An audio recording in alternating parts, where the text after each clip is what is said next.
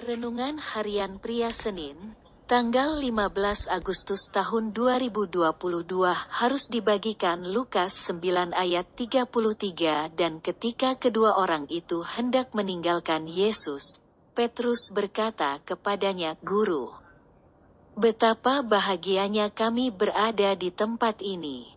Baiklah kami dirikan sekarang tiga kemah, satu untuk engkau, satu untuk Musa dan satu untuk Elia.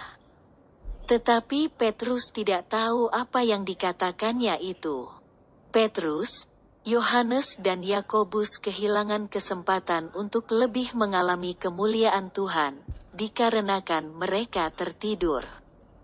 Dan setelah mereka bangun mereka masih dapat melihat ada Musa dan Elia yang bersama-sama dengan Yesus.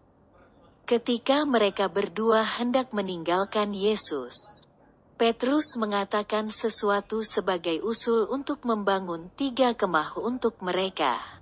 Itu karena Petrus tidak tahu harus mengatakan apa-apa.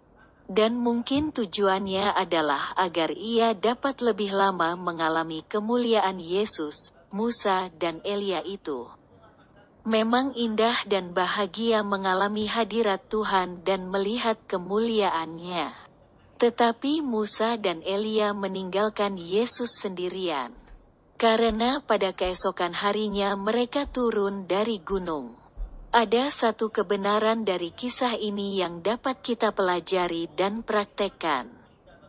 Kita semua sebagai orang-orang percaya harus terus mengalami hadiratnya.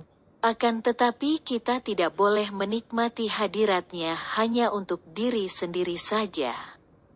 Itu harus kita bagikan dan saksikan kepada orang-orang lain juga.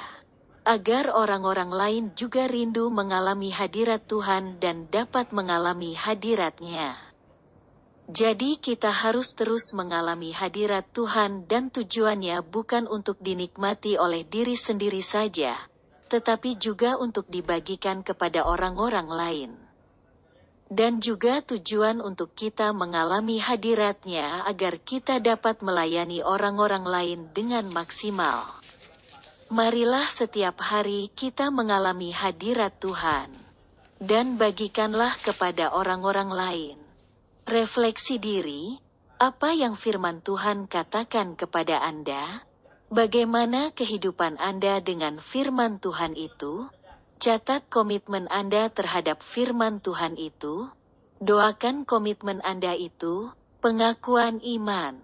Setiap hari saya mengalami hadirat Tuhan dan saya juga membagikan kepada yang lain dengan melayani.